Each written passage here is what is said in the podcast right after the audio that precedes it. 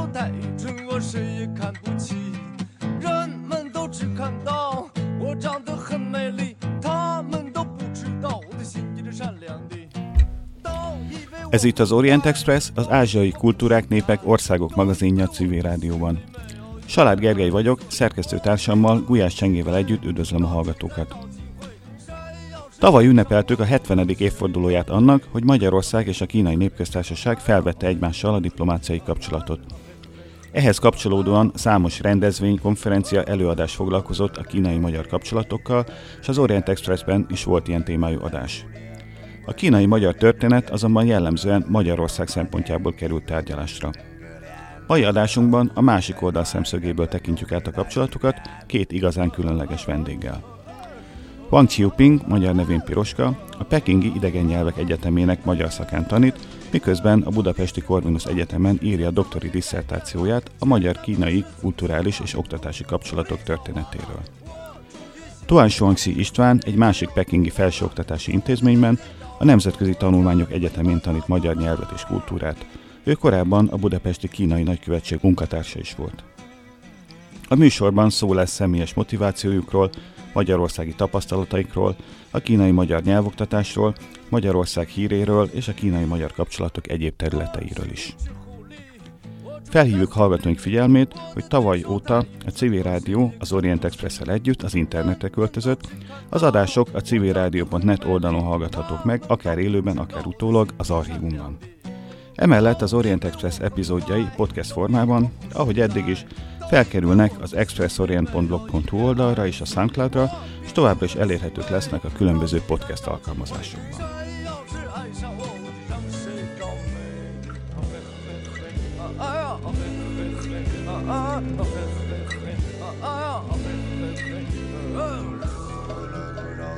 Vendégünk tehát a Civil Rádió stúdiójában van Kuping Piroska és Tuán Svanxi István. Mindketten magyar nyelv és irodalom szakon végeztetek, két különböző egyetemen tanítotok most, de ugyanott tanultatok az egyetemen, ismerkedtetek meg egymással? Igen, jó napot kívánok, üdvözlök mindenkit. Igen, 2003-ban kezdtünk tanulni magyarul a Pekingi Idegen Nyelvi Egyetemen. Csoporttársak voltunk.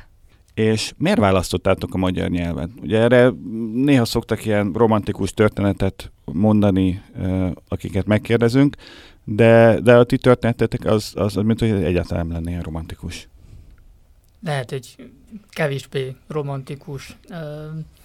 Hát igazából a magyar nyelvet csak úgy választottunk, mint, mint egy lehetőség, mint további humán szakokból az egyik, az egyik lehetőséget választottunk.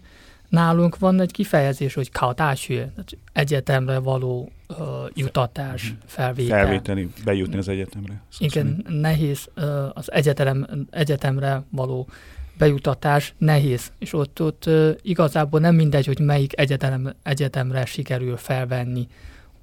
Kaodási és ez 选专业, tehát egy, egy szakmát kell választani egy, egy bizonyos egyetemen. Ezért igazából én, én a idegen nyelvet, tehát idegen nyelvek iránt volt érdeklődésem, azért idegen nyelvű egyetemre akartam jelentkezni, és a magyar szakot csak egy lehetőségként választottam meg. Ott alacsonyabb volt a ponthatár? Tehát könnyebb volt oda bekerülni, mint mondjuk a angol szakra? Hát igen, az uh-huh. nyilván. Igen, én is mindig fél, féltem, amikor uh, ilyesmiről kérdeztek a magyar barátaim. Mert mindig látszik, hogy várnak egy romantikus történetre, de igazából nincsen semmi romantikus, csak azért, mert mu- muszáj volt. Mert én olasz nyelvet akartam volna tanulni, de abban az évben sokan akartak olaszul tanulni, és nagyon magas, így magas lett a pontszám, és az én pontszámom nem volt előnyös, ezért kénytelen volt más szakra járnom, és ha nem olasz, akkor teljesen mindegy, hogy melyik nyelvet válasszam, és legyen magyar, és, és emiatt. És a tény, hogy a magyar szaknak a felvételi pontszáma kevesebb, mint más, mint mások szaknál. Hányan kezdtétek az évfolyamot? 23-an voltunk. eredetileg a 24-en mm, lett volna, de valaki hiányzott, és 23-an voltunk egy csoportban. És mit tudtatok Magyarországról, amikor elkezdtétek az egyetemet, magyar szakot? Elvileg semmit, mert a mi csoportunkban a 23 diák közül majdnem senki nem önkéntesen választotta ezt a nyelvet, ezért senki nem tudott semmit Magyarországról. Emlékszem, hogy az első órámon a tanár, kínai tanáraink azt kérdezték, hogy mit tudtok Magyarországról. Mi csak annyit tudunk válaszolni, hogy Európában van és ennyit tudtunk. És valaki mondta, hogy talán a magyarok a hunok leszármazójai. De szóval ezen kívül más nem nagyon tudtuk. De ez nem volt a mi hibánk, mert akkor nem volt internet, alig volt internet hozzáférés, és a tévében is alig szerepelt Magyarország. Szóval ez egy ritka nyelv számunkra. Szóval belecsöppentetek a magyar szak életébe, és elkezdtetek magyarul tanulni. Elsőre milyennek tűnt a magyar nyelv? Nagyon nehéz volt a nyelv, hihetetlen nehéz. Erre nem számítottunk. Mi volt a legnehezebb benne? Mm, például a, az igelagozás és az ige, igelkötő. Az igelagozás iszonyatos nehéz. Igen, szerint... olaszban könnyebb lett volna, bár abban is abban se olyan nagyon egyszerű. Igen, szerintem minden kínai utál, utálja az igaragozást. Igen, itt el kell mondani a hallgatóknak, hogy a kínaiak egyáltalán nem ragoznak, tehát számukra mindenféle ragozó nyelv iszonyatosan nehéz. Igen, nálunk nincs uh, alanykülönbség, nincs szám, szám, nincs időkülönbség. Nagyjá, Nemek, számok, esetek, idő. semmi nincsen. Úgyhogy kínai egy könnyű nyelv. Igen, a magyarhoz képest uh, szerintem könnyebb a, Ti sokkal szerencsésebb igen. vagytok. Hát azért bizonyos nehézségekkel mi is szoktunk néha találkozni, de ilyen hülyén fogalmaznék, azt mondanám nektek, hogy akkor nektek a magyar az kínai volt. Uh-huh. Ugye van ez a magyar mondás, hogy nekünk ez kínai. Igen, igen nekünk ez magyar. Az igekötő is elég nehéz. Igen, az egyébként ez a magyar diákoknak se. Kevés szabály van, meg kell tanulni minden igen, soha eseteket. nem tudjuk elmagyarázni, hogy mi a különbség a kicserélni, megcserélni, lecserélni, elcserélni között. És a, mindig nagy, mi se tudjuk, mi a helyes választ, szóval ha diákok, ha a diákok kérdezik, akkor sokszor mi csak annyit tudunk mondani, hogy kérdezzétek a, a, a Csabától. Ő a, a le, lektor. Lektor, igen. És a Csaba tudja? Mert én most elgondolkoztam ezen, nem biztos, hogy el tudnám magyarázni. Ó, a Csaba nagyon ügyes, ő nagyon profi, ő mindig jól tudja magyarázni, hogy mi a különbség. Igazi nyelvész. Igen, született nyelvész. Mikor jártatok először Magyarországon? Én előbb volt, jöttem Magyarországon, én 2006-ban uh, jártam, vagy uh, jöttem először Magyarországra harmadéves ösztöndíjas hallgatóként megérkeztem. És mi volt az első benyomásod Magyarországról és az emberekről úgy általában? Hú, mm, még az e, e, érkez, megérkezés első napján ről e, van egy történet, elmesélek, nagyon mély benyomást tett rám.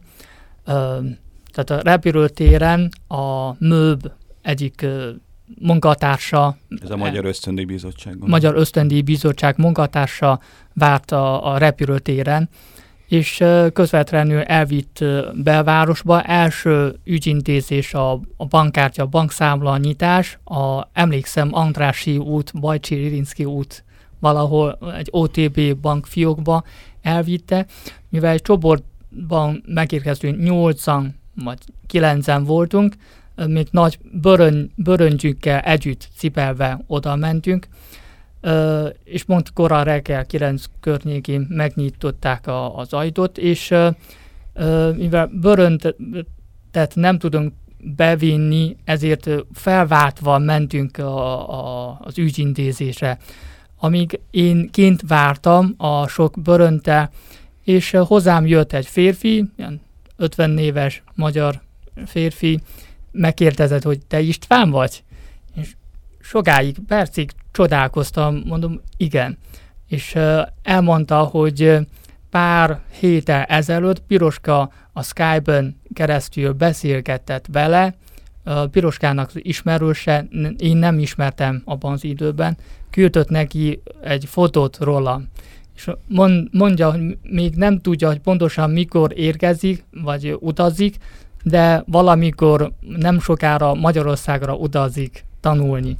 És a fotó alapján felismert, és véletlenül az Andrási úton amúgy nem nagyon uh, munkahelyre tartott abban a pillanat, pillanatban. Kicsi a világ. Igen. És aztán folyamatosan tartottunk a kapcsolatot. És Piroska, te mikor jöttél először Magyarországra?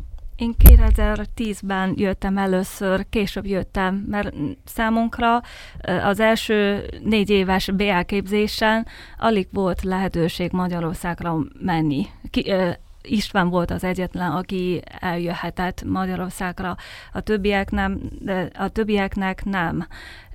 És amikor emelképzésen tanultam, akkor volt néhány lehetőség, és akkor jöttem először ö, Magyarországra, de mielőtt eljöttem, akkor már tud, tudtam, hogy milyen, hogy néz ki Magyarország, részben István miatt, ő sokat mesélt nekünk, másrészt a kínai tanáraink is sokat meséltek, mert látszik, hogy imádják Magyarországot, és mindig mondják, hogy milyen szép Magyarország, és milyen kedvesek az emberek, szóval majdnem mindent tudtam, mielőtt eljöttem, szóval nem csodálkoztam. Amit, és a tapasztalatod is ez volt, hogy Magyarország szép, kedvesek az emberek, tehát így a, a amit tudtál így előleg, és az, amit így tapasztaltál, az úgy nagyjából ugyanaz volt? Uh-huh, igen. Igen, képzeld el, mindig uh, nagyon kellemes érzés, élmény volt, soha nem, alig volt olyan, ami kellemetlen, szóval én is nagyon szeretem Magyarországot, és én is ugyanígy mesélek Magyarországról az én diákjaimnak. Azt elmondjátok, mi, hogy mi volt a legkellemesebb, illetve a legkellemetlenebb élményetek Magyarországon, vagy Magyarországgal kapcsolatban?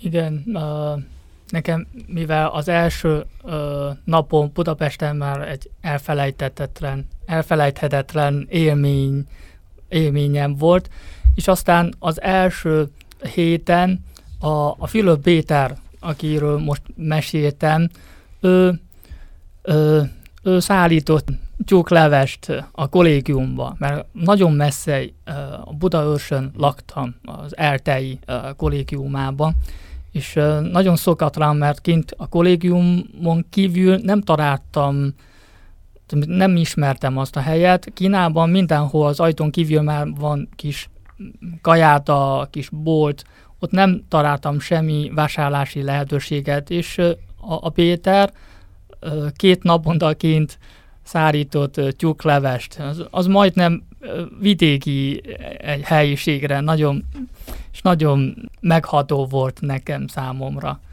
Úgyhogy én nagyon, lehet, hogy az, az élményhez köszönhetően nekem, nekem nagyon pozitív.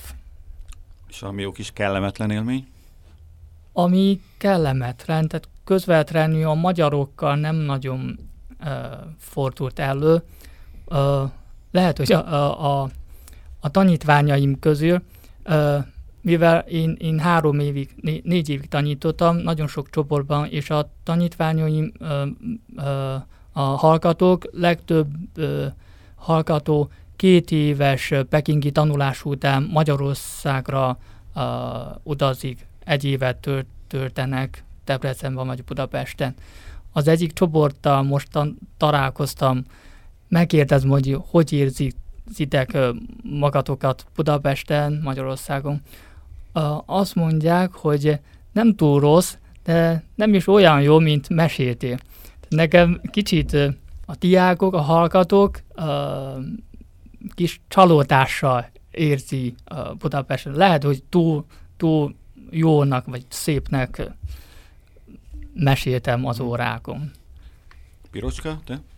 Igen, én is ö, csuba kellemes ö, élményt tapasztaltam, azért, mert sok magyar barátunk van Magyarországon, és őket általában Kínában ismerkedtünk, ismertünk meg, hiszen delegációnak folyamatosan dolmácsoltunk delegációknak, és utána mindig barátkoztunk velük, és például minden karácsonykor, december 26-án, ugye?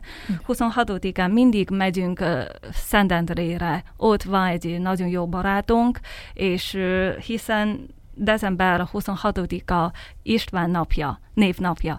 Szóval mindig minket hív, hívtak, és kaptunk nagyon finom magyar ételek, ételeket, szóval mindig jó érzük magunkat a magyar barátainkkal.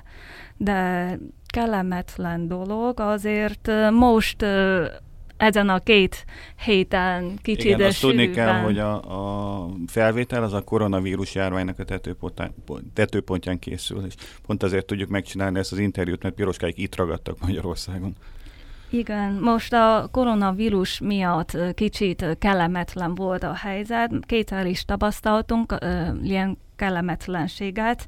Az egyik, amikor költöztünk, igazából már sokáig vagyunk Budapesten, de egy, az egyik helyről a másik helyre költöztünk, bőröndökkel bőröndöket cipeltünk az utcákon, és volt egy autós, aki piros lámpát vár, és direkt megnyitotta az autó ajtaját, és ránk kiabált, hogy vírusok vasztok. És nagyon kellemetlen volt, mert az utcákon mások is voltak, mindenki ránk nézte, nézett, és ez az egyik. A másik nem régen, a múlt héten a valamelyik Spárban, ugye, vagy Lidóban vásároltunk, és néhány kamasz, amikor minket láttak, és göhögött, göhögt, köhögtek ránk. Direkt köhögnek ránk, és nagyon kellemetlen, és ha, olyan hangosan, és majdnem uh, az arcomra köhög, köhögtek, és nagyon, ez, egyrészt kellemetlen, másrészt uh, szerintem nagyon egészségtelen, hogy az ő uh, le, lehellé, lehelle rám jön, szóval ez nagyon kellemetlen volt. Hát igen, a kamaszok is, meg az autósok is nagyon bunkók tudnak lenni Magyarországon, hát, erre azért mi is beszélhetnénk. Ezek engem kevés, vagy, vagy egyáltalán nem zavar, mert mind a, a vírus, a járvány amúgy is rendkívül, vagy nem általános dolog, ez egy speciális eset. Ami most jut, jutott eszembe, lehet, hogy a, a vámnál, tehát a repülőtéren, hmm én, én diplomataként, meg utasként, tehát sima a turistaként voltam a, a repülőtéren.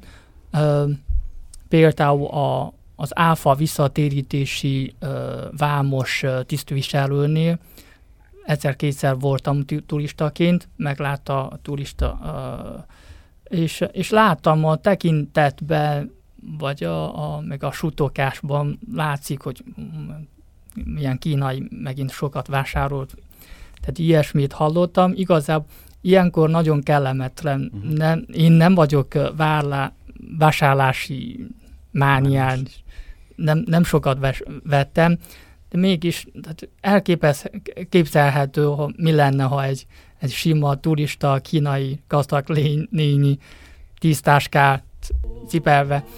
Hát ö, ö, egy turista számára a, repülőtér, a vám, a szálloda, az étterem igazából az az egész, akinek nincsen barátja Magyarországon, akkor ezek mind jelentenek, jelentenek egész, egész Magyarországról. Tehát egész Magyarországot ők kiviselik. Ezért ez kicsit szomorú dolog.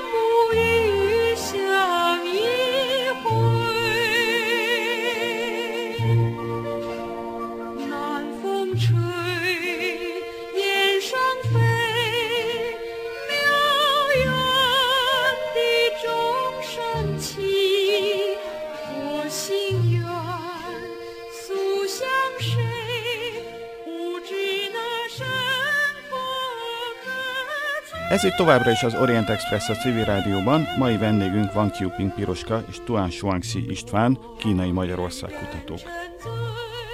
Mindketten a kínai-magyar oktatási és kulturális kapcsolatok területén dolgoztok, ha menjünk vissza egy kicsit az időben. Hogyan kezdődtek ezek a kapcsolatok? Mikor kezdődött Magyarország és Kína oktatás és kultúra területén érintkezni egymással? A 1949. október 3-án Magyarország az első között ismerte el a kínai népköztársaságot, és három nap múlva, október 6-án a két ország diplomáciai kapcsolatokat létesített egymással. És a két országot összefűzte a közös ideológia, a Szovjetunióhoz való tartozás, a hasonló jellegű társadalmi berendezkedés és a kommunista pártok által létrehozott politikai struktúra, struktúra és a prolet, proletár diktúra, proletár diktatúra. diktatúra. Igen, igen. Szóval ezen, ezeken az alap, ezen, ezen az alapon épültek ki és bővültek a két ország kulturális és oktatási kapcsolatai. Akkor rögtön megindult a diákcsere is? Uh, igen, körülbelül akkor az 50-es években uh, kezde, kezdett, uh, kezdődött a, a kínai-magyar diákcsere.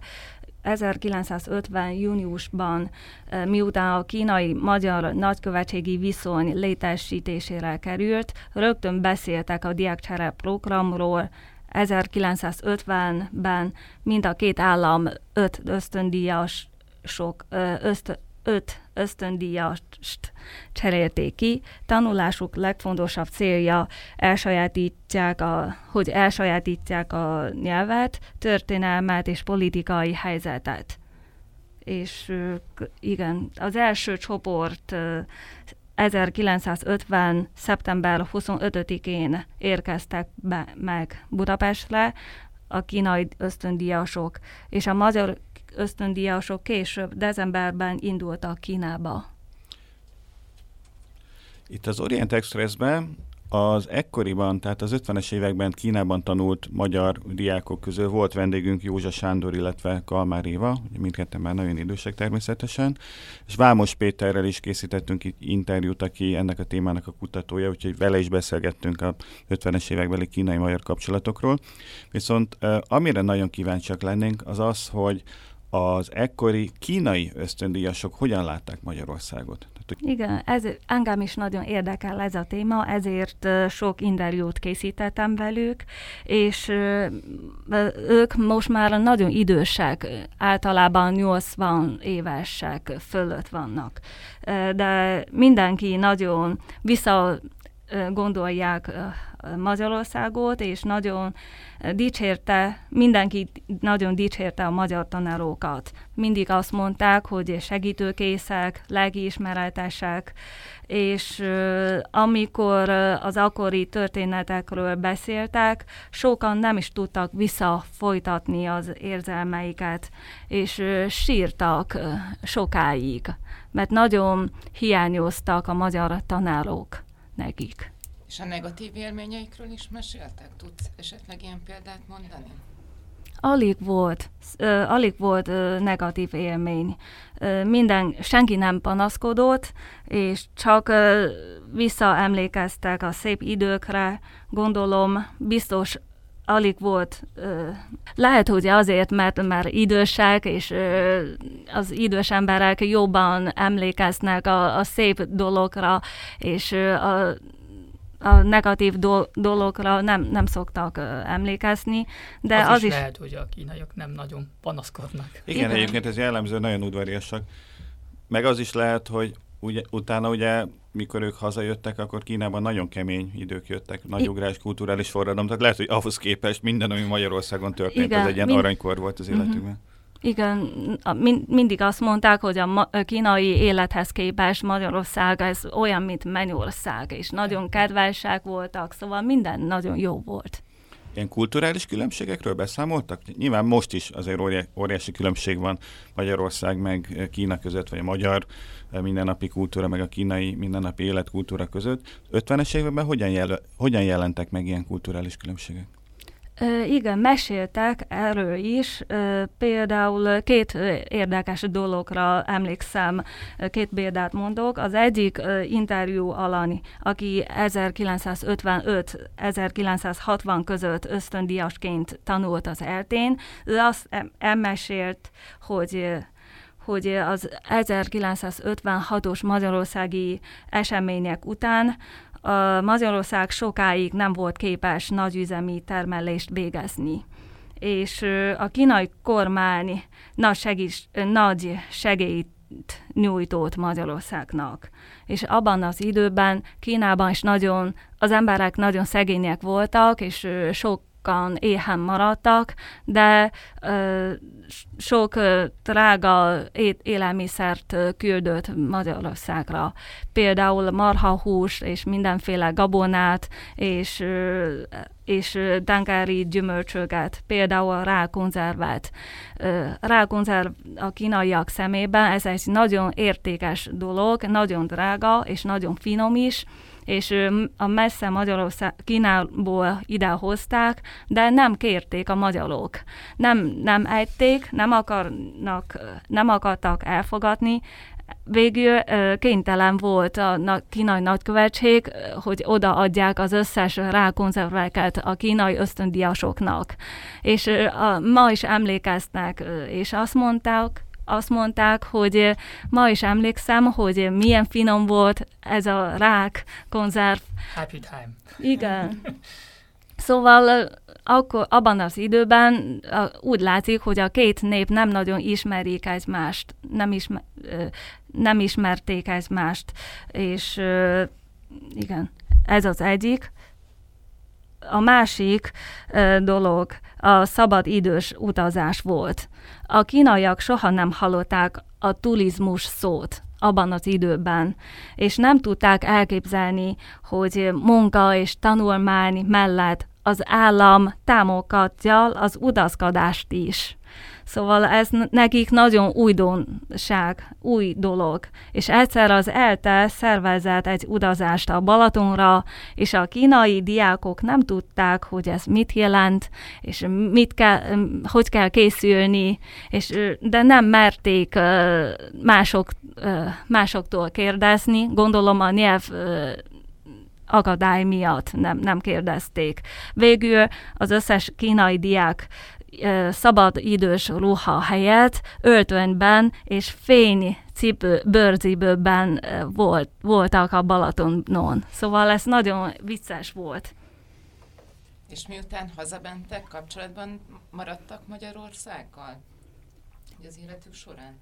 Igen, akik uh, magyarul tanultak itt Magyarországon, uh, többnyire kínai Magyarország kutató lettek később.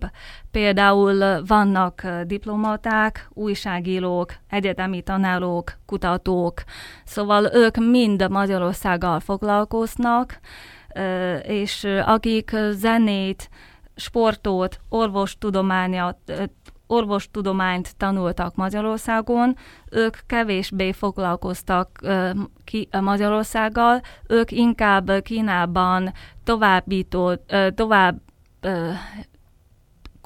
kutat a saját területén. Akkor is a Magyarországon megszerzett tudásával tovább dolgozik a saját szakmai területen, az hiszem. Igen, bizony, bizony. Ezt mindenki ezt mondta, hogy a Magyarországon tan- szerzett ismeret, ez egy nagyon jó alap számukra. És Kínában nagyon kiváló eredményt is csináltak. Ők mindig nagyon szerény, ők nem szívesen mesélt, hogy milyen jó eredményt csinált Kínában, de mindenki tudja, ők a sok tanulmánynál ilyen alap, a legfontosabb ember. Szóval sokat tanultak. Doppingszer atya, aki 50-es években tanult Magyarországon. Doppingszer vagy antidoping? Anti, anti-doping. Nem mindegy. Igen, igen, tehát a kínai antidoping hatóságnak a fő tudósa Magyarországon tanult. Igen, sokáig itt tanultak, és Pécset tanult, és nagyon dicsért el a Pécsi Tudományi Egyetemnek a tanárait. És utána később annak ellenére, hogy ő nem Magyarországgal foglalkozott, és nem, volt, nem nagyon volt lehetősége Magyarországra eljönni, de mégis többször próbált idejönni, csak azért, hogy meglátogassa az ő tanárait.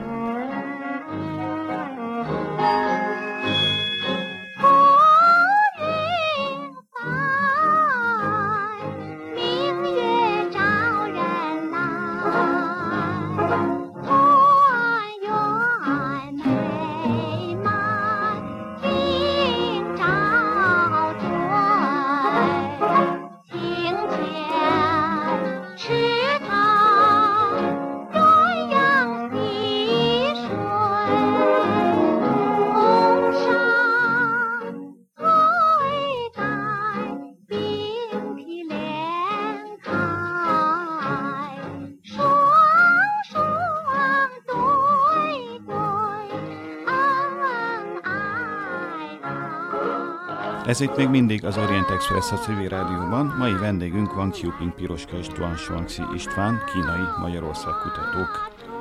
Az 1950-es évekbeli magyar-kínai kapcsolatokról beszéltünk az előző blogban. Nem fogunk végigmenni egészen 2020-ig a magyar-kínai kapcsolatokon, de egy picit még a 60-as éveket nézzük meg, hogy 60-as években ugye Magyarország és Kína kapcsolata elhidegült, nem a saját ö, döntéseink miatt, hanem a szovjet-kínai viszálynak az elmérgesedése miatt. Ö, hogyan alakultak ekkor ebben a, a viszonylag hideg időszakban a kínai-magyar oktatás és kulturális kapcsolatok? Sajnos abban az időben nagyon rossz volt a kapcsolat. Sok diák, nekik muszáj volt hazamenni, mert megszagadt az kulturális és oktatási együttműködés, de igazából nem olyan vészesnek tűnt az akkori kapcsolat, a kínai-magyar kapcsolat, lehet, hogy az 50-es években szépen alakítottuk egy alapot, és emiatt a magyar politikusok nagyon kedvelték a kínaiakat, ezért nem olyan, nem úgy csináltak, mint a Szovjetuniós emberek. Szóval az egyik magyar diplomata azt mesélte, egy, egy összehasonlítás mondott a, az akkori kudulális tanácsosnak, és később minket is, nekünk is mondta a tanácsos. Azt mondta, hogy a magyar az akkori kínai kudulális tanács az akkori kapcsolat olyan, mint a kacsa úszás. Tehát a víz fölött semmi mozgás nincs, de a víz alatt sok cselekvés van. Tempózik a víz alatt, hogy előre hal- haladjon. És ezen kívül termoszal is szokták leírni a kínai-magyar kapcsolatokat, tehát kívülről hideg, belülről nagyon meleg a, a kapcsolat. Tehát látszólag nagyon rossz, de igazából mégse olyan rossz, mint gondoltuk. Azt mondja, a 80-as évektől megint megjavultak a kapcsolatok a kultúra és az oktatás terén is, és a viszonylag jó kapcsolata a Magyarország rendszerváltás után is megmaradt, és ezutáni bő évtizeddel kezdtetek el magyarul tanulni. A interjú első részében említettétek, hogy amikor ti a 2000-es évek legelején belecsöppentetek a magyar tanulmányokba, akkor gyakorlatilag semmit nem tudtatok Magyarországról. Most van a kínai körében bármiféle ismerete arról, hogy mi ez a Magyarország, meg hol van? Uh, igen, uh, azt hiszem uh, sokkal uh, jobban, sokkal jobban tudják uh, már Magyarország, ismerik Magyarország, ahhoz természetesen ahhoz képest, hogy a Magyar, Magyarország az ország méretéhez képest jó ismerik az országot a kínaiak. Például át, egy általános embernél Petőfi Sándor, a Sisi királynő, a Liszt Ferenc, Kotály, a Rubik Koszka, ezekről És Puskás is, nem? tudnak. Igen, aki focist ilyen Puskásról is tud. És, és lehet, hogy Magyarország, a, tehát a, a térségben Magyarország az egyik legjobban ismert ország. Igen, arra emlékszem, amikor elkezdtünk tanulni magyarul, sokat kérdezték, hogy magyar, magyar nyelv, de hol van Magyarország? Melyik kontinensen van? Afrikában? De hát ilyen kérdésük volt, de most, amikor mondtam a többieknek, hogy magyarul beszélek, és szoktak mondani, hogy hány nyelven, hány hivatalos nyelv van Magyarországon. Tehát ezek szerint tudják, hogy hol van, csak érdekel, érdekli őket, hogy hány hivatalos nyelv van, és ezen kívül sokan azt mondták nekem, hogy ja, Magyarország, magyar nyelvvel beszél, magyar nyelvet tud, tudsz beszélni, ez nagyon jó. Voltam Budapesten, és nagyon tetszett nekem. Szóval látszik, hogy sokan már sokkal jobban ismeri Magyarországot, mint korábban. Igen, ez megfigyelhető, hogy egyre több turista jön Magyarországra, egyre több kínai turista. Ez minek köszönhető? Az, szerintem az egyövezet egy út kezdeményezésnek köszönhető, mert korábban biztos is sok turista volt, de az egy övezet, egy út kezdeményezés után a tévében, a kínai tévében, rádióban és újságokban sokat lehet olvasni Magyarországról, és nagyon sok gyönyörű képet csináltak Magyarországról, ez nagyon vonzó a kínaiak számára, ezért eljönnek.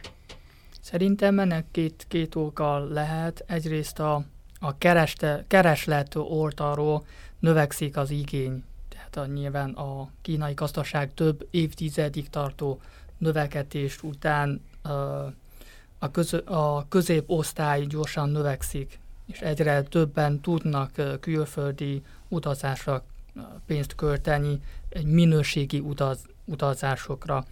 Másrészt a, a kínálat oldalról Magyarország részéről is elég jó csinált, hagyományosan van ez egy kedvelés a kínaiak, a Buda, Budapest Magyarország iránt, másrészt a mostani politikai, kulturális politikákban sok munkát végeztek, például Pekingben a magyar, pekingi Magyar Kulturális Intézetben folyamatosan csinálnak reklámszerű kultúra népszerűsítési programokat, egyre jobban ismerik Magyarországot, Budapestet. A kínai turisták tipikusan mit néznek meg Magyarországon? Van olyan látványosságunk, amik iránt a kínaiak kifejezetten jobban érdeklődnek, mint esetleg más turisták? Ö, Vagy pedig a szokásos, hogy hősök tere, budai vár, stb. Uh-huh. Egy általános turista számára Magyarország főleg Budapestre jönnek, van, aki Balatonhoz, vagy Tokai, de az, az a szűkebb csoport. Tehát Budapest a főváros, általában a, a várba a leghíresebb a kínaiak ö, ö, szoktak, szoktak ö, utána néz, mielőtt ide, ide jön, jönnek, azelőtt kicsit az interneten megnézik, hogy mi mit ajánlanak uh, egy, egy bizonyos városban, ezért a vár, a, a hősök tere, ezek a híresebb, az Andrási út, a nevezetesség mellett a vásárlás is egy, egy fontos turizmus. És mit lehet Magyarországon kapni, amit Kínában nem? Például a kínaiak nagyon szeret, szeretik a libamájt. Kínában nem szoktunk libamájt enni, de itt Magyarországon nagyon finoman csinálják. Szóval, ha eljönnek, akkor mindenképpen meg akarják kóstolni a libamájt. És ezen kívül még a halászlét, meg a gulyásleves, és a gulyásleves azért nagyon különleges nekünk, mert ez egy közös kommunista alap nekünk. Szóval mindenképpen szeretnék megkóstol, szeretnének megkóstolni, mert ez közös emlék. A gulyás kommunizmus miatt? Igen. Igen. Pirosra mesélt a pragmatikus szempontból, de van egy másik, ami a luxusabb szempontból sok kínai turista, mivel Kínában, ha luxus cikkeket még, még drágában árulnak, ezért itt Budapesten vesznek, egyrészt olcsóbb az ár, másrészt még, még áfa, áfát lehet visszaigényelni a repülőtére, ezért, ezért azért van, van igény. Nektek egyébként van kedvenc magyar ételetek, hogyha már itt a gulyás levesnél tartunk? Nekem minden. A, a gulyás levestől a túros gombozik. Túrót ami, is ami nem ugye nem- az, az általában finom. Nekem. Igen, nekem is minden finom, csak a magyar ételek általában sosabbak, mint a kínai ételek. Ö, ezen kívül minden nagyon tökéletes. Tehát ilyen túrós dolgokat is esztek? Mert az ugye Kínában nem igen van. Igen, Igen, mi szeretjük. Van Magyarországon kedvenc helyetek? Nekem is a Budapest a leg, legideálisabb. De akár egy, nem tudom, egy étterem, vagy egy kis, nem tudom, látnivaló, vagy egy kávézó, vagy egy kocsma, vagy bármi Nagyon sok ilyesmi? jó kávézó. A, a Bárisi nagy áruház kávézója, palotás épít, épít, ö, építészetileg is szépség. igen, nekem jobban tetszik a csendesebb hely, ezért nekem jobban tetszik a vidéki hely, például a, az Eger, az nagyon ö, tetszik nekem, és a Szeged, fényes város, és ö, ö, mi van még? A Sopron és Győr is nagyon szimpatikus nekem. A kínai médiában milyen kép jelenik meg Magyarországról? És van különbség mondjuk az állami média meg a nem állami média között? Igen, úgy általában uh, nagyon pozitív.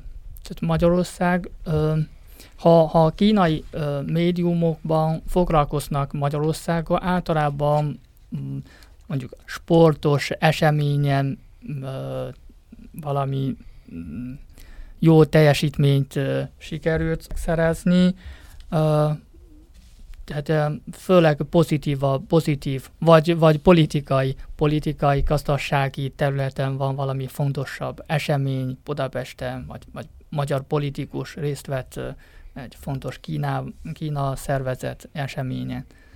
Főleg pozitív oldalról.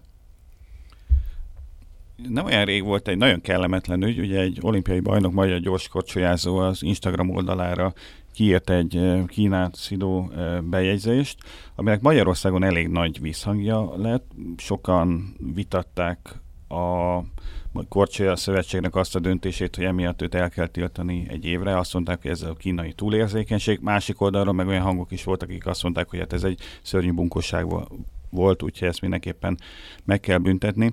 Kínában bármilyen módon megjelent ez az ügy?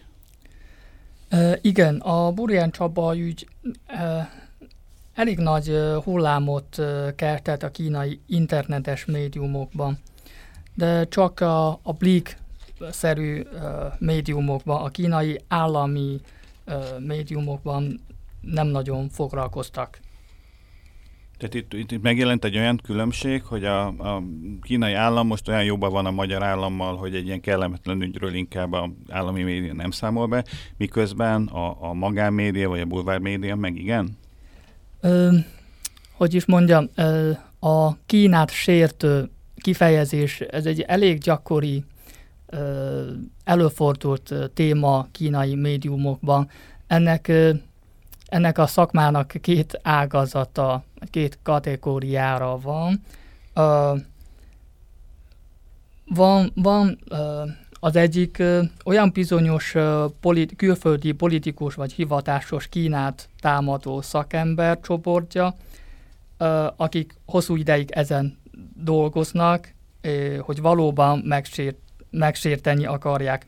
A másik kategória pedig olyanok, akik igazából csak kulturális különbség miatt egy ösztönöző pillanatnyilag gondolat Hát vagy sima bunkóság, tehát nem kell ahhoz kulturális különbség, Igen, sima bunkóság is lehet. felháborítót. Az mindenkinél előfordulhat minden országban, csak a Kínában jobban, Mhm. a kínaiak jobban érzékenyek ö, a, a, ilyen témákra. Ö, úgy sz- szerintem a Burján Csaba valószínűleg a második kategóriába kell sorolnunk, ezért a kínai állami médiumok ö, egyáltalán nem foglalkoztak ö, az ügyel. 摇摇摆摆跳，有谁不会我就来教。快播要不要笑，不要笑，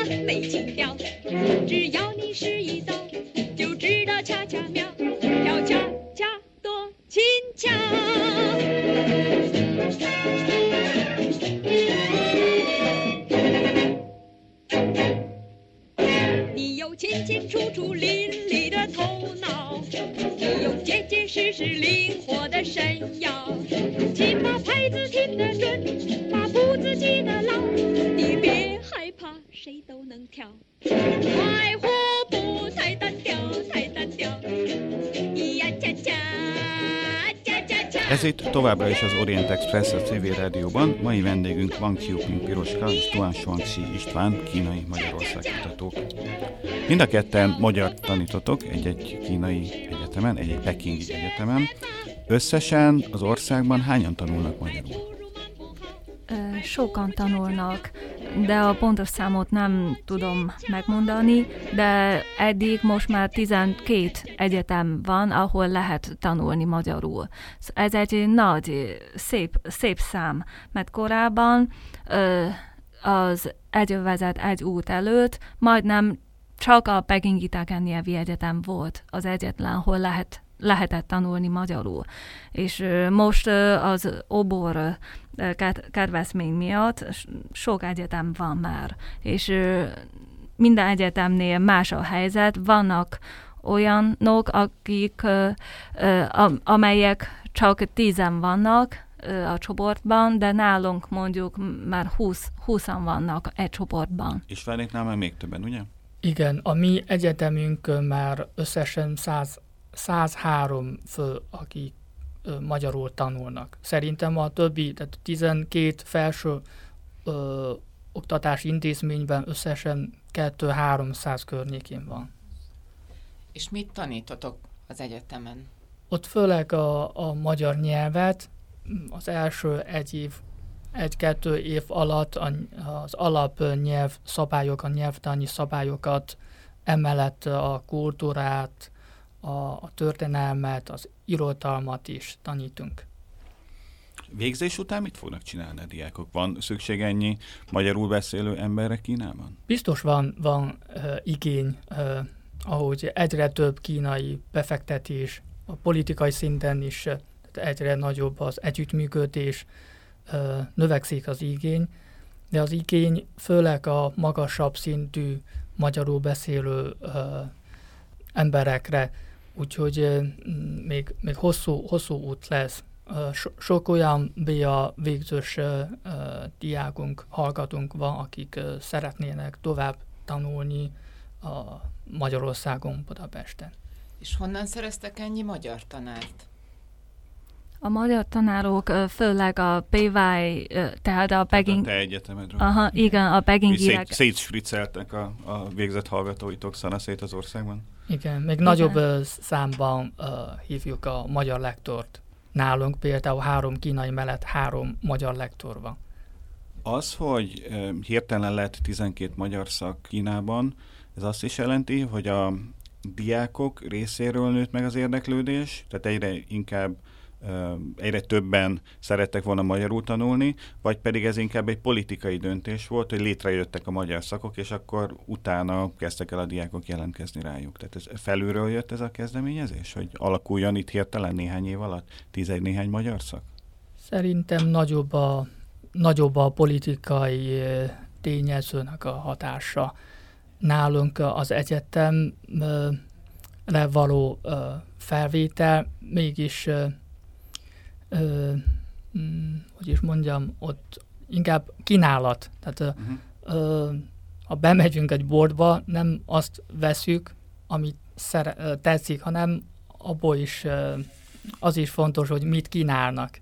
Ezért ez, a, ez az új ö, kínálat növekszik. Ez most ö, főleg a, az állami döntés, vagyis nem állami, hanem a, az egyetemeknek a döntései.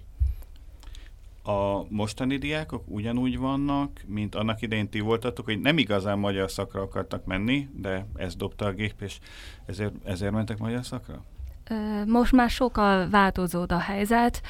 Korábban igen, nem nem akartunk volna, de mégis ide kerültünk, és szorgalmasan tanultunk, de ma a, diák, a diákok főleg az egyövezet, egy út kezdeményezés miatt jöttek, mert egyrészt nagyobb a kínálat, tehát több helyen lehet tanulni magyarul, de ö, a, inkább az a fontosabb tényező, hogy a diákok várják, hogy mi, az egyetemük után ö, jó állást ö, fognak ö, találni. Tehát ö, ez nagyon fontos, hogy szép jövőjük van, és ezért választották a magyar nyelvet. Mert a 16 plusz 1 keretében majdnem elmondhatjuk, kínai-magyar kapcsolat a legjobb. Ezért a diákok tudják, hogyha közép- és kelet-európai nyelveket akarnak tanulni, akkor nyilván a magyar nyelv a legelőnyösebb.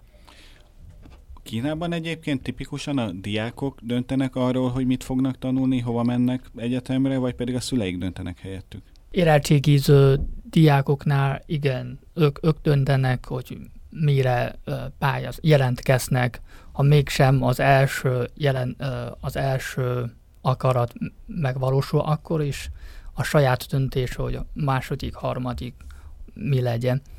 De nálunk, a mi egyetemünkön van egy újabb program, ahol 7 éves program hívják, a, a közép, középiskola felső szakaszanak a három éve, és az egyetemnek a négy éve egyesült, így összesen 7 évig lehet egy szakmát tanulni az egyetemen. Itt igazából 15 évesen már kell egy szakmát választani. Ebben az esetben nagyobb a szülőknek a a segítsége vagy döntése. Az utóbbi időben nagyon, Magyarországon nagyon sok szó esik arról, hogy a kínai oktatás az most milyen sikeres. Ti ezt hogy látjátok belülről? Tényleg olyan szorgalmasak a kínai diákok?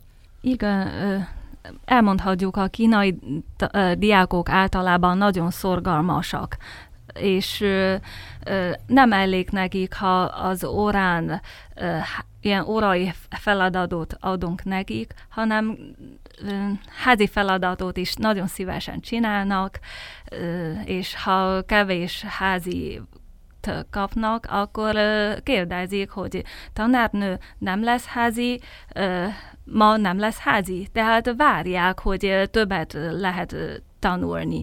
És szerintem egyrészt, hogy a kínai nép elég szorgalmas, másrészt nálunk nagyon nagy a nép, népesség, és muszáj szorgalmasabban tanulni, mint mások, hiszen nagy a népesség, és nagyobb a konkurencia, mindenhol kevesebb a hely, és több a jelentkező, szóval elég éles, heves a konkurencia. Muszáj sok időt szántani a tanulásra.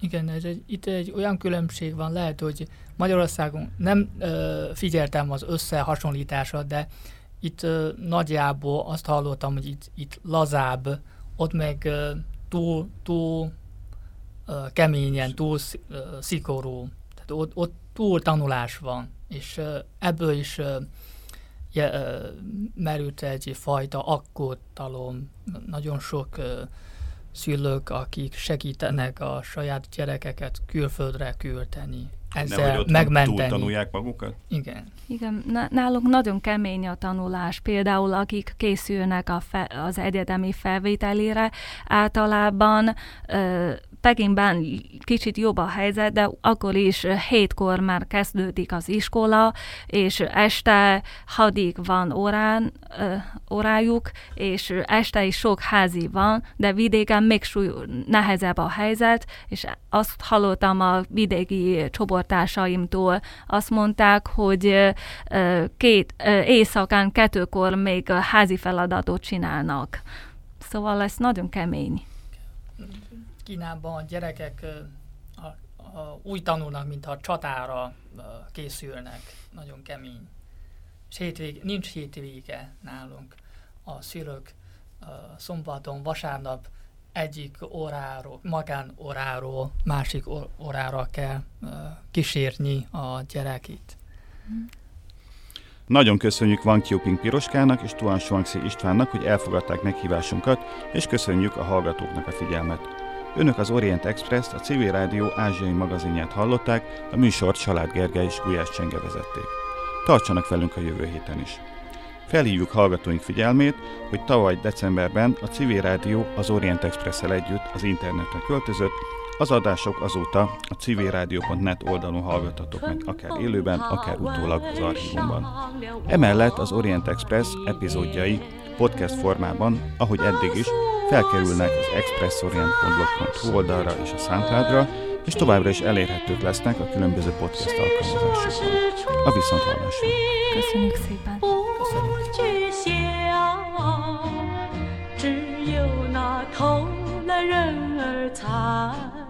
高明。